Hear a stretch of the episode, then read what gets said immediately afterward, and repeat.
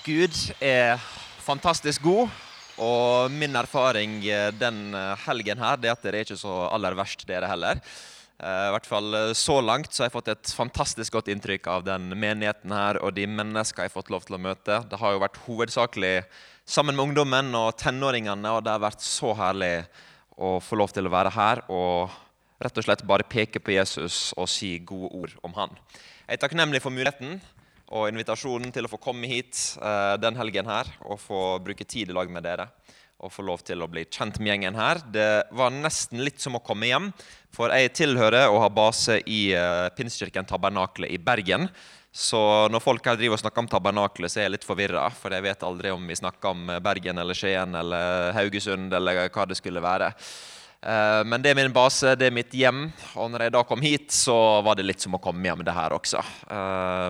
Og det har vært utrolig godt å, å, få lov til å bli kjent med dere. virkelig. Så får vi se om dere sier det samme etterpå.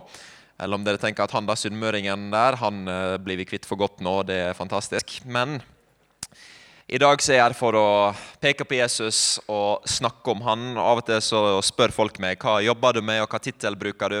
Og jeg liker egentlig å si at jeg er sladrehank for kongenes konge og få lov til å si gode ting om Jesus og peke på han og løfte opp hans navn og alt som han gjør. Jeg skal ikke bruke for lang tid på å introdusere meg selv. Det var litt derfor dere fikk se den videoen der. For da forstår dere litt eh, hva jeg jobber med, hva jeg bruker store deler av året på. For jeg eh, er misjonsleder i et arbeid som heter Global Heart Missions, der vi driver arbeid hovedsakelig på Filippinene, men også i Papua Ny-Guinea med et hjerte for de unådde og de som aldri har hørt om Jesus. Vi jobber inn mot åtte for å gi dem Jesus. Og Det er givende, det er spennende, det er gøy å få lov til å gå til de som aldri før har hørt navnet Jesus, og få lov til å peke på han. Eh, alt fra unge mennesker til eh, gamle og folk som er der ute som ikke vet hvor gamle de er. Fordi at de eh, lever på annerledes vis enn hva vi gjør her hjemme. Og det er utrolig spennende. Men jeg bor i Bergen og reiser også mye rundt om i vårt eget land. Og får lov til å forkynne i menigheter og undervise på skoler og på konferanser. og det som måtte være. Også Noe av det jeg synes er mest spennende og mest givende av alt, det å få lov til å følge opp mennesker å gå sammen med mennesker, spesielt yngre folk som har tatt imot Jesus, gitt sine liv til han, som kanskje ikke kommer av en kristen bakgrunn eller en kristen familie, men som har tatt imot og gitt sine liv til han, og så får lov til å følge dem opp og se at det de går med Jesus, de begynner å brenne for han, og så går de inn for å gi hele sine liv i total overgivelse til han. Det er utrolig kjekt. Så den videoen dere så, den fikk jeg stor hjelp av med en som ble med ut på misjonsfeltet i desember, som heter NN. Han er bare 18 år gammel har fått lov til å følge han opp de siste få åra. Og så ble han med ut på misjonsfeltet og ble med inn i fengsel. Han ble med ut sammen med militæret og spesialstyrkene og fikk være med på en litt annerledes dag enn det han er vant med på skolebenken i Bergen. Og så kjeda han seg veldig når han kom hjem igjen til Norge. Synes det ble stor eh, overgang. Men det har vært gøy å se sånne mennesker som han som har tatt imot Jesus, og så følger de han og går inn for å gjøre det livet ut. Det er verdens beste jobb. Jeg er så fornøyd med å få lov til å leve i det her og få lov til å leve både for og av evangeliet. Jeg skal ikke si så mye mer om hva jeg jobber med. Dere kommer kanskje til å få en historie eller to underveis i, i talen med litt vitnesbyrd og sånn, og løfte opp det. Uh, men jeg kan si det kort at ønsker du å følge med på arbeidet og det vi jobber med, så ligger det noen sånne brosjyrer som ligger på et bord bak et eller annet sted. Uh, der det bare står kort informasjon om arbeidet, og så står det hjemmeside på. Ellers er det ganske mange bilder på. Så kanskje du har lyst til å være med og be for oss og det vi jobber med, så er jeg veldig takknemlig for det. Og kanskje dette kan være en påminnelse om nettopp det. Og hvis du husker det, så for heter han gutten på forsiden her han heter Harry.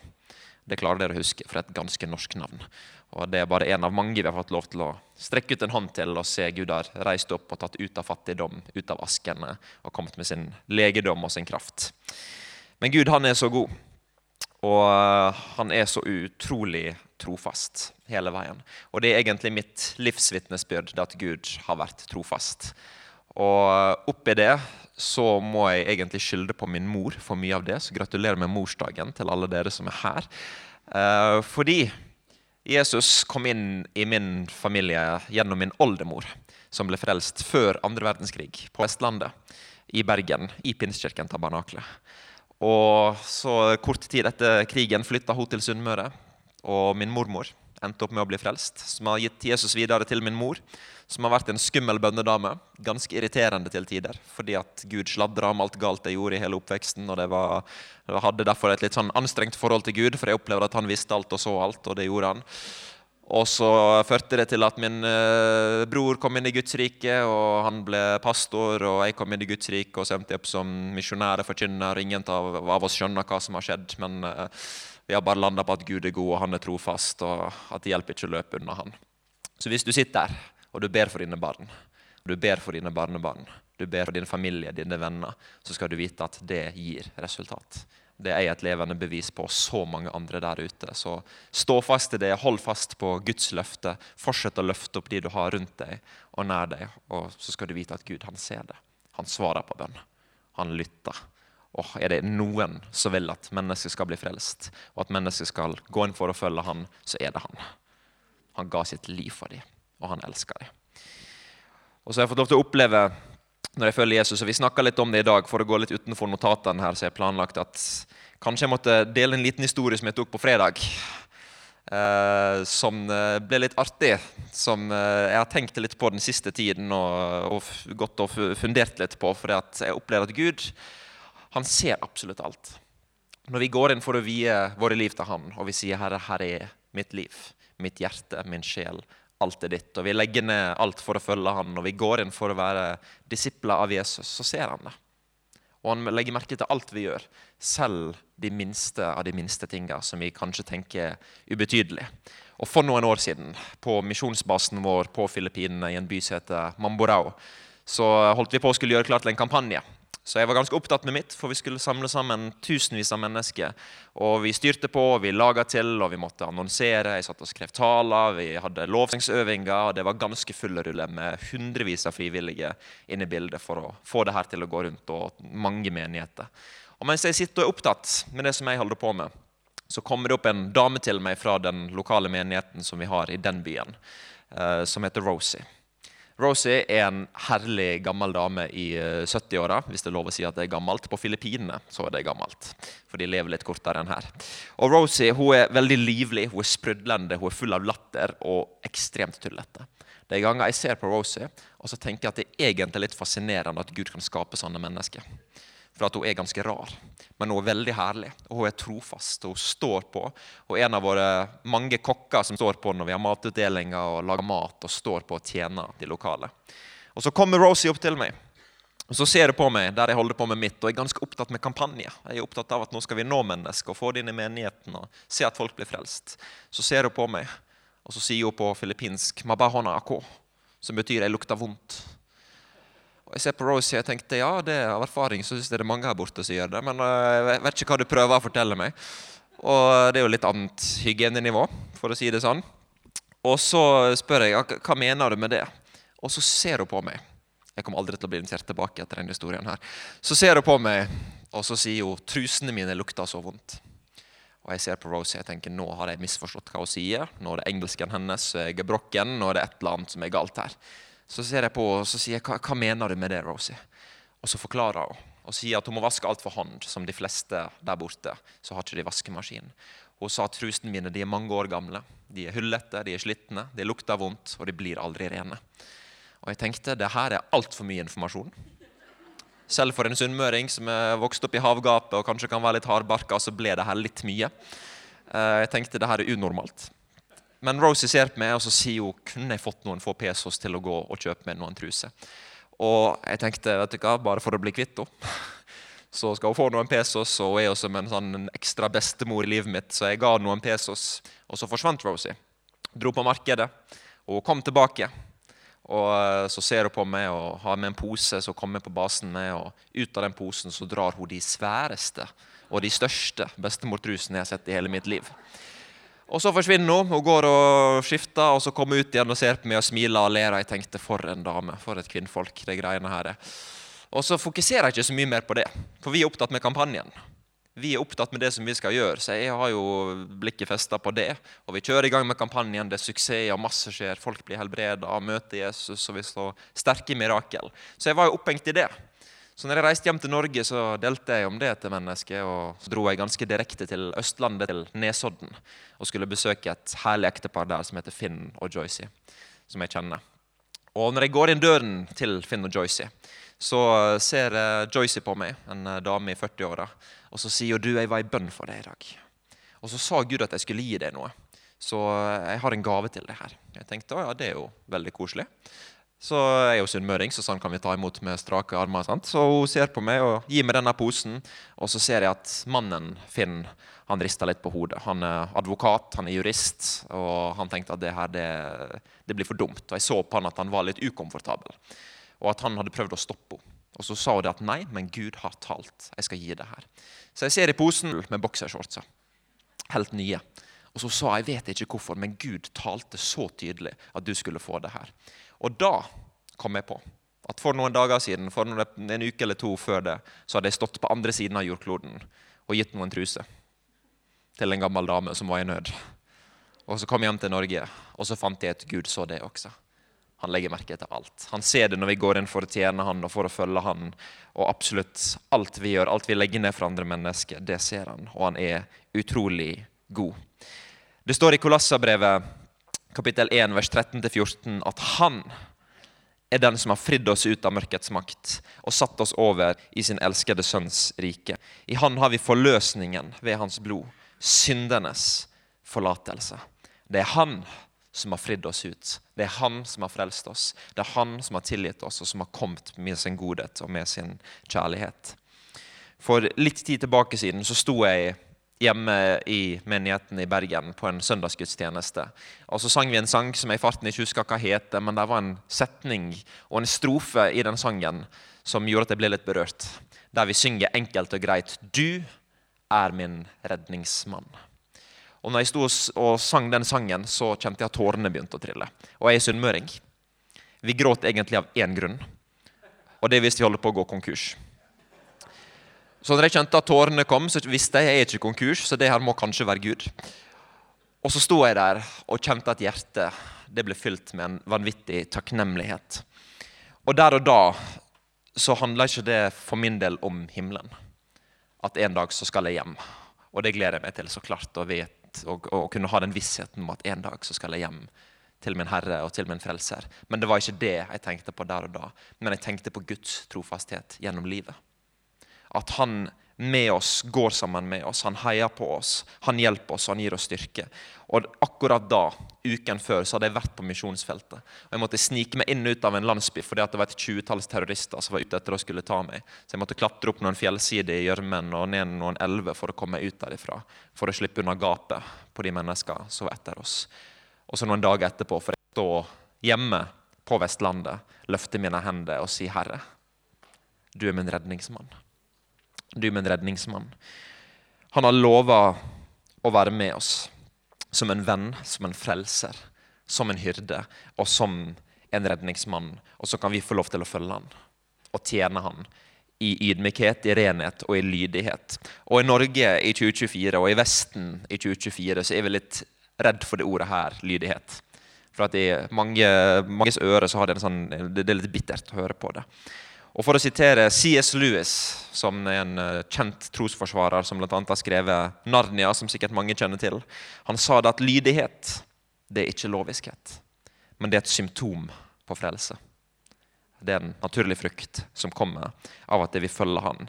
Og der ute så er det en verden som trenger, som aldri før, at Guds folk blir reist opp og at vi velger å reise oss opp. Men ikke bare er det en verden der ute som er i nød. Der er faktisk mange kristne brødre og søstre som trenger at Guds folk reiser seg opp. Vi har nettopp gått inn i 2024, og i starten av hvert år så hører vi mange talere kanskje også her, og mange menigheter som stiller seg frem og sier at det her skal bli år av gjennombrudd, eller år av salvelse, år av fred, år av legedom. Jeg hørte en i 2020, to-tre måneder, to, måneder før korona kom, som sa at det her skal være år av frihet. Jeg vet ikke om det var av Gud, eller hva det var, men jeg tror han bomma litt. Eh, sånn opplevde jeg det i hvert fall. Og jeg tror at sånne ord det kan absolutt være fra Gud. Jeg har aldri fått det. Jeg bare går på det som jeg kjenner Gud leder meg til. Og jeg er nok kanskje sånn inni hodet mitt en litt komplisert person. Jeg er ganske filosofisk. Jeg er ganske dypttenkende. Og Derfor er det mange i Bergen av mine kamerater som ler av meg. Og de liker ikke å prate med meg når jeg er på mitt dypeste, fordi at de sliter med å henge med. Men når det kommer til min tro, så tror jeg at jeg på mange punkter er ganske enkel. Fordi at sånn det står, sånn har jeg valgt å ta det. Og jeg tror at denne boken her, det er Guds hellige ord. Og jeg har skjønt at det her det er sannhet, det er ekte. Og jeg trenger ikke overkomplisere det. Og så hører man folk som sier ja, men du må lese mellom linjene. Jeg har prøvd, min venn. Jeg har prøvd så hardt å lese mellom linjene. Der står ingenting. Det er hvitt, det er blankt, der er tomt. Jeg har prøvd. Der står absolutt ingenting. Og så klart så er det viktig å forstå konteksten. Det er klart at det der er et språkbruk, der er ord, der er formuleringer som er annerledes enn det er i Norge i 2024. Det er en måte å prate på som er annerledes, og det er viktig å forstå det og studere det og sette seg inn i det. Men noen ting som står i Guds ord, er så enkelt og så direkte og så rett ut at jeg tror du må ha doktorgrad i teologi for å misforstå det. For det er så enkelt at selv ikke en dåre skal gå vill. Og noen av de versene finner du i Matteus 9 35-38. Der står det deretter dro Jesus omkring i alle byene og landsbyene. Han lærte i synagogene deres, forkynte evangeliet om riket og helbredet alle slags sykdommer og alle slags skrøpeligheter blant folket. Det kan vi definere som veldig god stemning. Og så står det at Da han så folkeskadene, ble han grepet av dyp medlidenhet med dem. For de var utslitte, motløse, spredd omkring som sauer uten hyrde. Da sa han til disiplene sine.: Høsten er sannelig stor, men arbeiderne er få. Be derfor høstens herre å drive ut arbeidere til sin høst. Det står at de var utslitte, motløse, spredd omkring og som sauer uten hyrde. I mitt hode så er dette en god beskrivelse av vårt samfunn og vår tid den dag i dag. Og Hvis du er uenig, bare slå på nyheten etterpå og se hva som skjer rundt om i verden. Folk er utslitte, folk er motløse, folk er rådville. De går omkring uten en hyrde og vet ikke hva de skal tro og hva de skal gjøre på, og hva de skal vie sine liv til. Og så sier Jesus de her kjente orda som enhver predikant elsker, men som likevel kan være hjerteskjærende.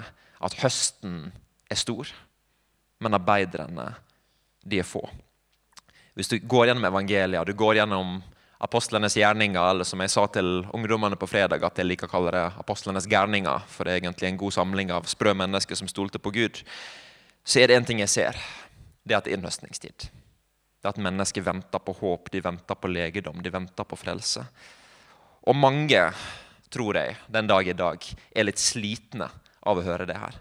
Man kan være litt lei nesten av å høre det, fordi at man har opplevd å se liten frukt i eget liv fordi man har opplevd at man kanskje ikke har sett så mye av det.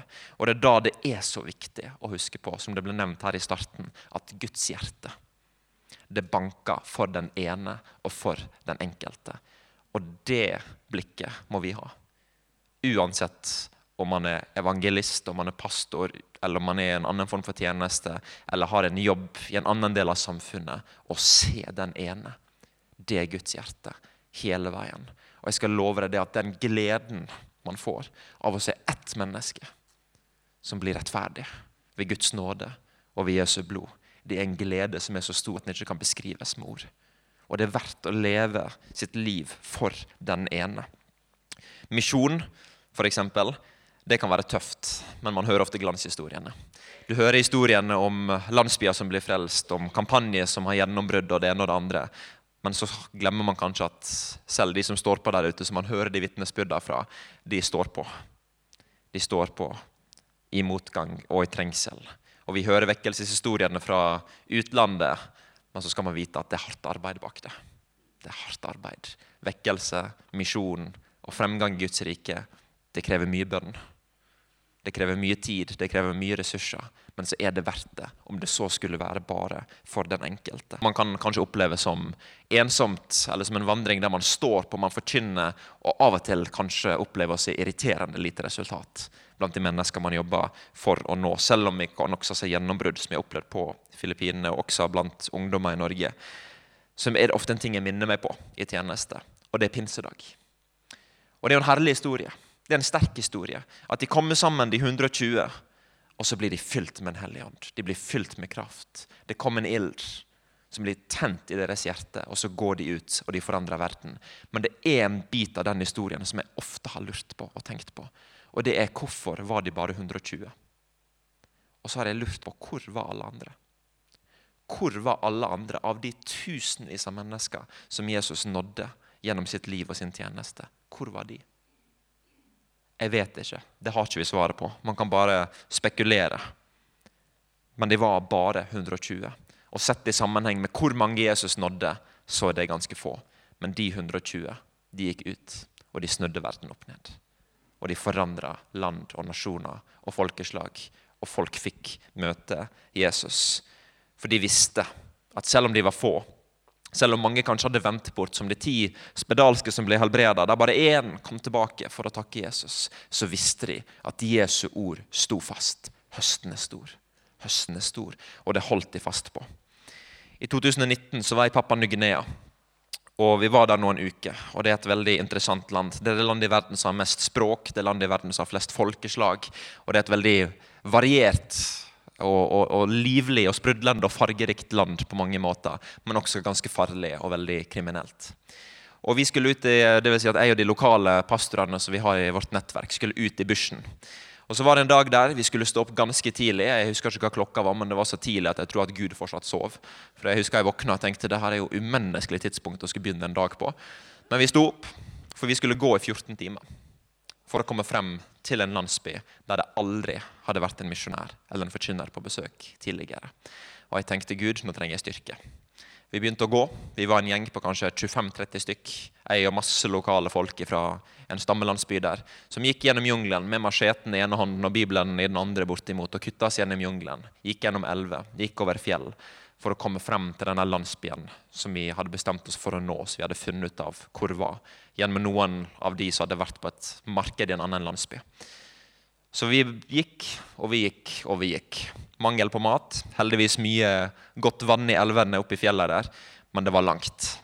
Og vi kryssa i løpet av den tiden vi gikk der på ni ganske store fjelltopper for å skulle komme oss frem. Og når vi begynte å nærme oss, og vi så landsbyen på litt avstand. Så sto vi litt oppe på høyden og så ned på denne landsbyen som lå på en klippe. Og det var en fantastisk utsikt. Det var som tatt ut av et eventyr. Og Jeg sto der og så på de her eh, hyttene som de bodde. Jeg tenkte Gud, hva vil du gjøre nå? Hva har du lyst til å gjøre nå? Men det vi visste, det er at det er et farlig område. Der stammefolket de kan reagere ganske aggressivt og ganske hissig. Så man vet ikke hvordan de reagerer når de ser en hvit person for første gang. Og de vet kanskje ikke at hvite folk eksisterer engang. Så vi sendte inn en lokal så vi visste kunne språket i det området, inn i den landsbyen. En lokal pastor. Så gikk inn og skulle advare de at nå kommer det en som er litt høyere enn dere. Han er ganske mye lysere enn dere. Ikke spis han. For han er ikke en fiende men han kommer med gode nyheter og et godt budskap. Og du kan le, men det er et av de få områder i verden der det fortsatt er praktisert kannibalisme. Så jeg tenkte ok, det her kan bli interessant. Og da var jeg i over to uker uten å kunne ha kontakt med familien, for det var ingen telefondekning. Og når vi da begynte å nærme oss landsbyen og gikk nedover, etter å ha venta litt på han pastoren, og vi nærmer oss landsbyen, så hører jeg noen voldsomme skrik og noen rop. Og jeg tenker, hva i alle dager er det som pågår? Og så visste jeg at de lokale mennesker der de var veldig styrt av følelser. Så Hvis det var et eller annet, så skrek de alltid, og de ropte. og Slik var det liksom med folket der. hvis Det var et eller annet. Det kunne være glede, det kunne være sorg. Så jeg hadde ikke peiling på hva som skjedde. Voksne mannfolk kunne stå og skrike så tårene spruta. Og Det var nesten som å være på et skikkelig pinse-karismatisk møte. Det var egentlig bortimot samme greia. Og Vi nærma oss denne landsbyen og sto rett utenfor, der de hadde noen busker og det som nesten var som en inngang inn i landsbyen. Og der sto stor, stor del av den landsbyen her på to rekker. Og så får jeg beskjed fra tolken min. De vil at du skal gå imellom de to rekkene her. Og jeg tenkte, hvorfor i all verden skal jeg gjøre det? Men jeg begynner å gå imellom. Og idet jeg gjør det, så står de og skriker og de roper og de griper tak i meg. De holder rundt meg og de kysser meg. Og jeg tenkte det her er på grensen til ekkelt. Men jeg fortsetter å gå gjennom til jeg kom til slutten av de her to rekkene. Og der er det en mann som går opp til meg. Og så tar han tak i meg, holder fast i meg og så løfta han meg opp. Og jeg så for alvor etter en gryte. Og jeg tenkte nå blir det Nathan carne til middag her, og jeg er ferdig. Men så satte han meg heldigvis ned uten en gryte, Og så prøver han å snakke til meg, men jeg kan jo ikke et ord av det språket. Så jeg skjønte jo ingenting. Og jeg ser etter tolken min og jeg sier kan du være så snill å forklare meg hva skjer. For alle sto jo bare og så på meg og hulkgrein og, og, og skreik. Og så begynte tolken min å skulle forklare hva som skjedde. Og mens han står og gjør det, før jeg forklarer hva det er, så skal dere få se 10-15 sekunder av den, en video som noen filma der, så dere skal få se hvordan det så ut i den landsbyen, og få høre hvordan det hørtes ut. Så hvis de får opp den videoen.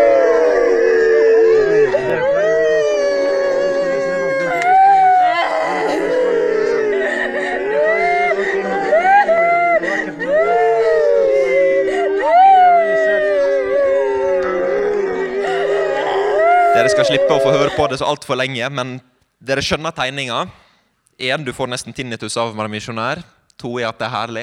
Men det som skjedde der, det var at den landsbyen her lurte på hvorfor det hadde tatt oss så lang tid å komme. Fordi at de hadde venta. De hadde venta. De hadde lagt fra seg sin ureligion, der de hadde hatt mange ulike guder, for de opplevde det som meningsløst og tomt. Og så hadde de sett på skaperverket. Og så hadde de bedt og sagt, 'Du som har skapt det her, send noen til oss og fortell oss hvem du er.'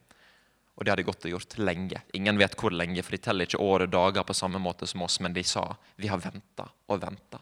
Vi går inn for å fortelle dem om Jesus og oppleve det du mildt sagt kan kalle vekkelse i den landsbyen der. Og Gud får slå rot. Og vi har planta menighet og en skole inn i den landsbyen der. Du skjønner det, høsten, den er stor og Den hellige ånd han ønsker å jobbe sammen med oss for å bringe høsten inn. Og jeg har erfart at Den hellige ånd han er den beste kollegaen du kan ha. Den beste kollegaen du kan ha her i livet. Og vi er kalt til å være hans tempel, ikke hans fengsel. For Jesus kom for å sette fri. Når han får lov til å ta styring i vårt liv, så er det ikke for å kontrollere så er det ikke for å manipulere eller for å skulle mikroorganisere og styre alt i våre liv. Men det er fordi at han har en plan, han har en vei, og han ser ditt liv fra begynnelse til slutt. Og jeg har erfart at hans vei å gå på, den kan være smertefull. Den kan være vanskelig, den kan være utfordrende, men likevel alltid himla bra. Og alltid verdt det. Og idet du får lov til å følge han, så blir du også kjent med han. På en dyp og personlig måte. Og hva skjer med de mennesker du blir kjent med, og som du bruker tid med? Du blir som dem. Du begynner å ligne på dem. Det er enkel forskning også viser at du blir gjennomsnittet av de fem personene du bruker mest tid med. Bruk tid med Jesus. Bruk tid med han. Er du rundt meg, så får du tørr humor og drikker mye Pepsi Max. Er du rundt Jesus, så vil du begynne å oppleve forandring, og at livet vil bli forandra rundt deg der du måtte være. Og det tror jeg virkelig. Og vi skal få lov til å vandre med han og kjenne han. Og vi som er her i Norge, vi er så velsigna på mange måter. Vi bor i et veldig akademisk samfunn som er bra. Det er en velsignelse, kunnskap og visdom. Det er bibelsk Guds rike. Og når det kommer til det livet her, så er det ikke kunnskap om Jesus som vil bære deg. Det er ikke kunnskap om hva han har gjort, som vil bære deg, men det er kjennskap det at du kjenner han. Det at du vet hvem han er. At han har blitt din venn, at han har blitt din hyrde. At han får lov til å gå med deg og snakke med deg. Det er det som bærer meg når vi er ute i bushen i jungelen. Der du ikke vet om du havner i gryta, eller om det kommer noen terrorister og tar det. eller hva Det skulle være. Det er det som bærer meg når vi går inn i høysikkerhetsfengsel uten vakter fordi at de er korrupte og det er for farlig, og fangevokterne ikke tør å bli med inn. Det er at jeg kjenner han. Og jeg vet at enten så overlever jeg og får lov til å fortsette å fortelle om Jesus, eller så flytter jeg hjem. Det er enten-eller. Men jeg har fått lov til å kjenne han. Og med det så kommer det en fred og en glede og en styrke som du ikke kan kjøpe for penger. Og som kun Gud kan gi. Og Det som bærer meg mest av alt, det er at det er han som har grepet tak i mitt liv. Det var han som fant meg, for det var jeg som var fortapt, ikke han. Og han fant meg. Vi snakka litt om det i går, og vi fikk spørsmål når vi satt og spiste middag. Hva er din favorittbok i Bibelen? Og Da nevnte jeg Filippa-brevet som er en av mine favorittbøker. Og Det er litt fordi at det er ett vers som har betydd så utrolig mye for meg. Og Det er Paulus som sier i Filippa-brevet 3,12. Ikke slik å forstå det, at jeg allerede har nådd det, eller at jeg allerede er blitt fullkommen, men jeg jager fremover, så jeg kan gripe tak i det ettersom Kristus Jesus også har grepet tak i meg. Paulus sier rett ut på norsk 2024 Jeg har ikke skjønt alt. Jeg har ikke forstått alt. Men jeg fortsetter fremover fordi at Jesus har tatt tak i mitt liv. La det være våre vitnesbyrd. Der vi faktisk kan være ærlige og si vi har ikke skjønt alt, vi har ikke forstått alt, men vi har blitt kjent med en. Som har tatt tak i våre liv, og som går med oss. Og det er det tryggeste fundamentet vi kan bygge på. Det er Jesus og han alene. For da får man en trygg grunn. Og det vil du ha. Jeg har opplevd mange jordskjelv og tyfoner og naturkatastrofer ute på misjonsfeltet. Og da vet jeg at det stedet du befinner deg, det har alt å si. Det kan være snakk om liv eller død. Og i det livet her, når stormene kommer, når vannet kommer, når det blåser, så vil du stå på trygg og solid grunn. La det være Jesus. Men spørsmålet er ofte tør vi å stole på han. Jeg liker å si at tro det staves T-I-L-L-I-T. Det handler om tillit. Stoler du på din Jesus? Stoler du på din Gud? Våger du å vie ditt liv fullstendig overgivelse til han? Det er en historie om en mann som for ganske mange år tilbake siden, før TV, før media, drev og reiste rundt i sørstatene i USA. Og Han eh, drev på med litt sånn ulike kunster som du i dag kan se på Norske Talenter eller på ulike talentprogram på TV. Og Han var en linegåer som gikk på sånne liner som han festa. Og Han kom til en, eh, til en liten landsby i sørstatene i Texas. Og så drev Han gikk rundt i denne landsbyen, som nesten aldri hadde besøkende innom. Og Så sa han til dem i morgen, tidlig om morgenen, så må dere komme til markedet. For da skal dere få se noe dere aldri før har sett. Og Alle i denne landsbyen og rundt om på pubene der han gikk, de lurte jo på hvem er denne mannen der, og hva er det han skal vise oss som vi aldri før har sett. Så de var litt spente. Så neste dag, neste morgen, så var markedet stappfullt med mennesker. Og så ser de opp mot taket som er rett over markedet, og så ser de at fra det ene taket til det andre så er det en line som har blitt festa. Og at denne mannen som ingen kjente og ingen visste navnet på, sto på det ene taket. Og Så står han og ser ned på landsbyen, og han roper til dem. Hvem av dere tror at jeg klarer å gå over den linen her på andre siden? Og De folka her hadde aldri sett noe sånt før. Det var før TV, før Norske Talenter før alt det her, så de hadde aldri sett noe sånt før. Og de tenkte den fyren her er gal. Han er jo sprø. Han kommer til å falle ned og dø. Så alle bare så ned og rista på hodet. Men så kikka de opp igjen. Og så ser de at denne mannen han tar ett steg etter det andre på denne linen, og folk holder pusten.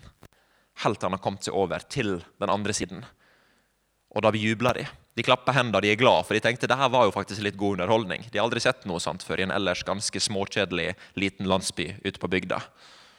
Og Så roper han igjen tilbake til landsbyen, alle som står nede på markedet, og sier OK, hvem tror nå at jeg klarer det? Så alle løfter opp hendene og sier nå vet vi jo at du kan det.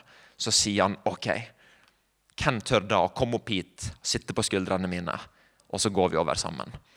De rister på hodet og sier nå er han faktisk sprø. Men det var en liten gutt som løfta opp hånda og sa han, jeg skal gjøre det.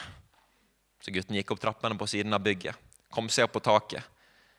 Klatra opp på skuldrene til denne mannen. her. Folk ser opp og tenker han kommer til å ta livet av denne gutten. Men så tar han det første steget. Han tar det andre steget. Tar det tredje steget. Helt til han kommer seg over til den andre siden. Landsbyen igjen. De bryter ut. Det er nesten vekkelsesstemning. De klapper hendene, de jubler, de er glad. Mannen og denne gutten klatrer ned, og så kommer det en journalist fra den lokale avisen.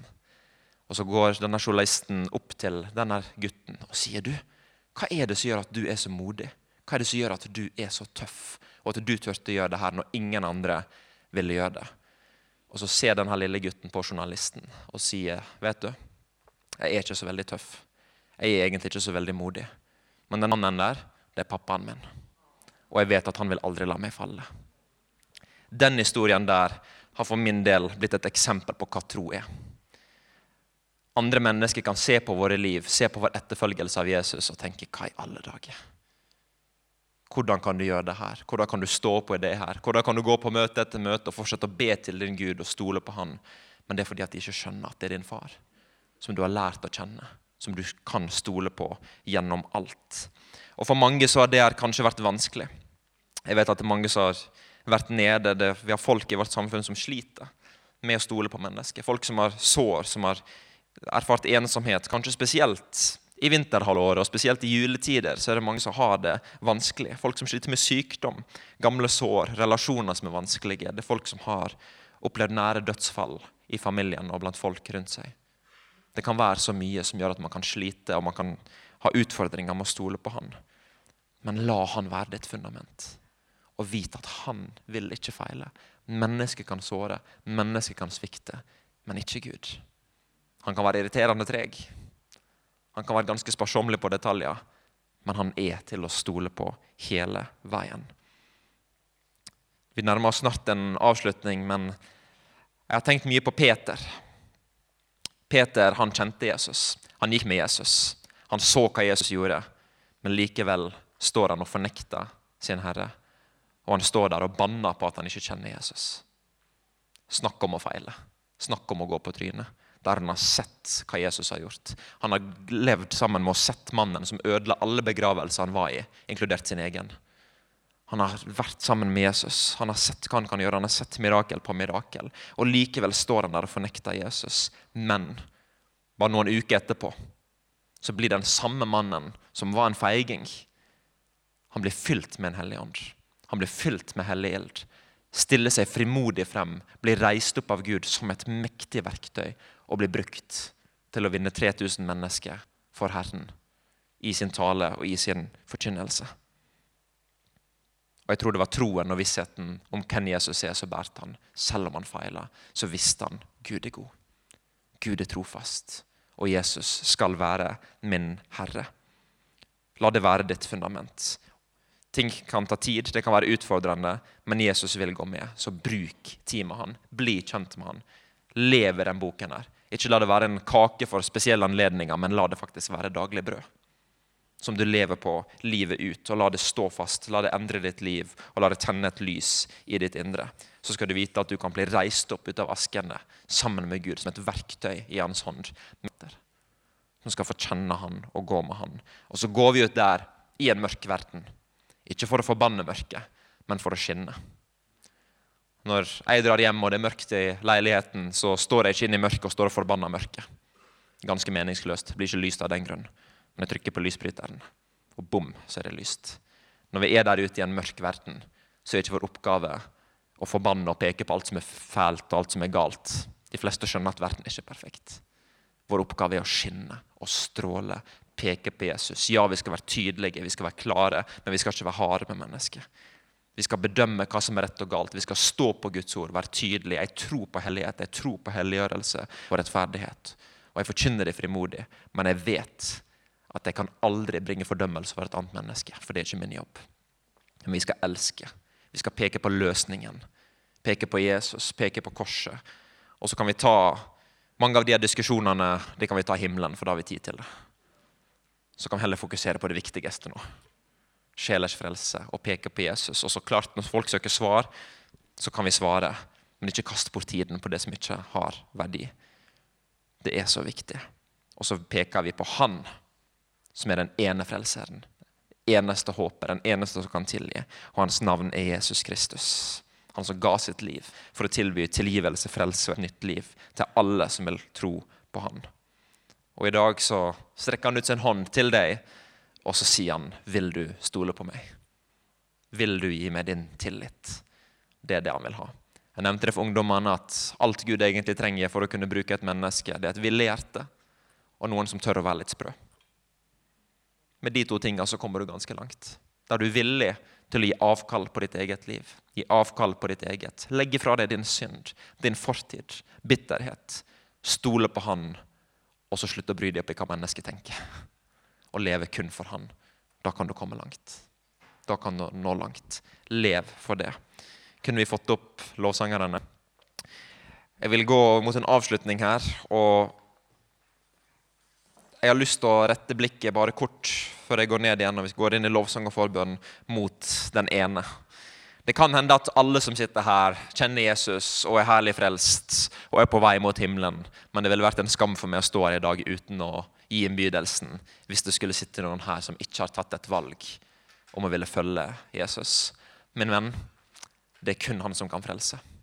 Der er kun én Gud, kun én Herre, og det er Han. Der er ikke mange veier, der er ikke mange guder. Der er én. Der er én som lever, der er én som er ekte, og det er kun Han. Vi er alle født med samme problemet, og det er synd. Vi er alle født inn i denne verdenen her, i et mørke. Der vi ser resultatet av synden overalt hvor vi snur oss. Jeg har synda. Jeg skal være den fremste til å stille meg en rekke og si jeg har gjort feil. Jeg har sagt løgner. Jeg har stjålet. Jeg har banna. Jeg har gjort mye jeg ikke skulle. Men så fikk jeg oppleve som Paulus snakka om, at Jesus grep tak i mitt liv. Men han tvingte seg ikke på. Fordi at jeg opplevde at han også er gentleman. Jeg måtte ta et eget valg der jeg sa et tydelig og bestemt ja. Mitt liv er ditt, Jesus. Nå går jeg inn for å ville følge deg. Og så har han vært trofast. Og han strekker ut sin hånd til hele vide verden, og så sier han, 'Kom til dekka bord. Kom som du er.' Med din fortid, med din synd, med alt du måtte bære. Kom og legg det fra deg. Og få et nytt liv. Et forandra liv. Det vil ikke bety alltid et lett liv, eller et liv uten utfordringer. Jeg bruker å si at Jesus han har ikke lovd oss en flytur uten turbulens, men han har lovd oss en trygg landing. Han har lovd at vi skal komme frem dit vi skal, så lenge vi setter vår tillit til Han. Jeg har lyst til å be alle sammen om å bare lukke sine øyne for å gjøre på den gode, gammeldagse måten. Og så har jeg lyst til å si til deg som sitter her i dag, hvis du ikke har tatt et valg om å ville følge Jesus, så er det her din dag. Det kan hende du sitter der og aldri har tatt det valget. Du har aldri tatt et bestemt valg der du sier 'Jeg skal være en kristen'. 'Jeg vil være en Jesus-etterfølger'. I dag er din dag. Det kan hende du også har sittet der og du tidligere har tatt det valget. Kanskje du har vokst opp i et kristent hjem, i en kristen familie. Du har det du kanskje vil kalle en barnetro, men det har skjedd ting i ditt liv som har gjort at du har gått bort ifra det. Du har levd bort fra Jesus, og du vet at du er ikke på det stedet han ønsker at du skal være. Det kan være mennesker som har såra deg. Det kan til og med være en menighet som har såra deg. Det kan være mennesker som har svikta. Det kan være et dødsfall, det kan være en skilsmisse, det kan være noe som har skjedd i ditt liv som gjorde at du tok avstand fra Gud fordi at ting ble vondt, det ble vanskelig. Det kan være en endring i livsstil som du vet ikke var riktig. I dag kan du få lov til å komme hjem som den bortkomne sønnen og motta evig liv og komme hjem til din far. Og Kanskje du også sitter der og du bare vet ikke. Du har ikke tatt et valg. Kanskje du har vært i menigheten, men du har aldri tatt et bestemt valg om å ville følge Jesus. Det skal du få lov til i dag. Så hvis det er noen, så skal ikke jeg be deg om å komme frem, du skal ikke si noe i en mikrofon. Men hvis det sitter noen her som kjenner ja, i dag skal jeg ta et valg, og i dag skal markere et nytt kapittel og en ny begynnelse i mitt liv. Så hvis det er noen, kan ikke du bare mens alle øynene lukker, bare rekke opp din hånd som et tegn til Gud? Hvis det skulle sitte noen her i dag som vil ta det valget, så bare løft opp din hånd akkurat der du sitter nå. Vi skal uansett be sammen, hele gjengen.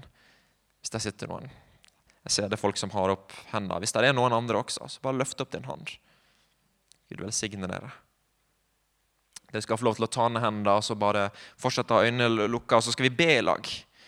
Og Da skal du vite at Herren, han ser ditt hjerte. Han elsker deg. Han elsker deg så ubeskrivelig høyt. Det kunne ikke beskrives med ord. Så han sendte sin sønn og viste det på korset. Men ikke bare det, men han sto opp igjen fra de døde og lever en dag i dag. Og han ønsker å være din venn og din redningsmann. Vi kan alle sammen be i lag, spesielt dere som hadde opp hånda. Jeg vil at vi skal be sammen, der jeg sier noen enkle ord og setninger. Så ber vi som en forsamling sammen. Og du skal vite at himmelen ser ditt hjerte, og Herren hører din bønn. Så hvis dere bare kan gjenta etter meg, så ber vi i lag, alle sammen. Og så sier vi takk, Jesus, for at du kom til verden for å redde mennesker og for å redde meg. Takk for at du tok min synd, så jeg kan leve evig sammen med deg. I dag velger jeg å tro på deg, og jeg gir mitt liv til deg. Hjelp meg å leve for deg. Amen for å si det helt til slutt, Hvis du rakker opp din hånd og du ikke tilhører den menigheten her eller er ny her, så kom og vær en del av fellesskapet hvis du, hvis du bor her på det stedet. her, og Grip tak i noen i menigheten. Jeg tror at noen også fulgte litt med på hvem som rakk opp sin hånd. For det er steg én. Vi er alle kalt å være disipler av Jesus, som følger han livet ut. Men han ser til ditt hjerte, han ser din hjertets bønn. Han elsker deg. Legg fra deg din fortid og din synd og det som har vært, og stol på han som din redningsmann. Søk han, be til han, lovsyng han, bruk tid sammen med han. Så Jesus, jeg takker deg for din herlighet. Jeg takker deg for din trofasthet og for din kjærlighet. Jeg ber bare om din rike velsignelse over den menigheten her, Herre. Takk for at du har reist opp tabernakelet her i Skien, Herre, som et fyrtårn som midt i en mørk verden står og blinker mennesket inn til frelsens trygge havn. Jeg ber om at du skal velsigne lederskap og ethvert medlem Herre, med din overnaturlige visdom og kraft og kunnskap. Takk for at de skal få gå fremover i din vilje og i din hensikt. Jeg ber om fornya styrke, Herre. De skal oppleve gjennombrudd på det stedet her. At ord og profetiske løfter som har blitt talt ut, skal bli oppfylt, Herre. Vi ber om at folk skal komme til tro og komme inn i menigheten og få lov til å oppleve at det skal være et godt hjem. For at vi kan få lov til å stå sammen, Herre, som én kropp, som ett legeme, som ett folk, på tvers av alle generasjoner, på tvers av ulike kulturer, ulike bakgrunner. Så kan vi få lov til å stå sammen og heie på hverandre og elske hverandre fordi at du viste oss hva kjærlighet er, Herre. Så bare legg din hånd over ethvert menneske som måtte være her. Kom med din legedom, Herre, inn i knuste hjerter og inn i syke kropper. Kom med gjenopprettelse i ødelagte relasjoner i familiebånd. Herre. Og takk for at folk her skal få lov til å si bønnesvar som aldri før i deres familieliv og i de mennesker som de har rundt seg. Herre. Led oss ut til den store høsten, til de mennesker som lengter til deg og som venter på deg. Om det så skulle være der ute ved jordens ende eller naboen over gata, Herre. La oss aldri miste blikket på den ene. Takk, Herre, for din trofasthet. I Jesu navn. Amen. La oss gå inn for å tilbe Jesus, og så ønsker jeg veldig gjerne å be for mennesker. Hvis noen skulle ønske forbønn, skal du få lov til å komme frem. Og så tror vi på en Gud som helbreder, som kan gjenopprette. Og Ønsker du bare forbønn for ditt liv, kanskje for din familie, så tror jeg også det vil være flere folk som vil være med i forbønn. Og så står vi sammen i lovsang og fester blikket på Jesus. Takk for at du, du, kom. Det er sikkert noen, noen, litt informasjon som kommer. Jeg må si takk for at jeg fikk lov til å komme og fikk lov til å besøke dere og være sammen med dere.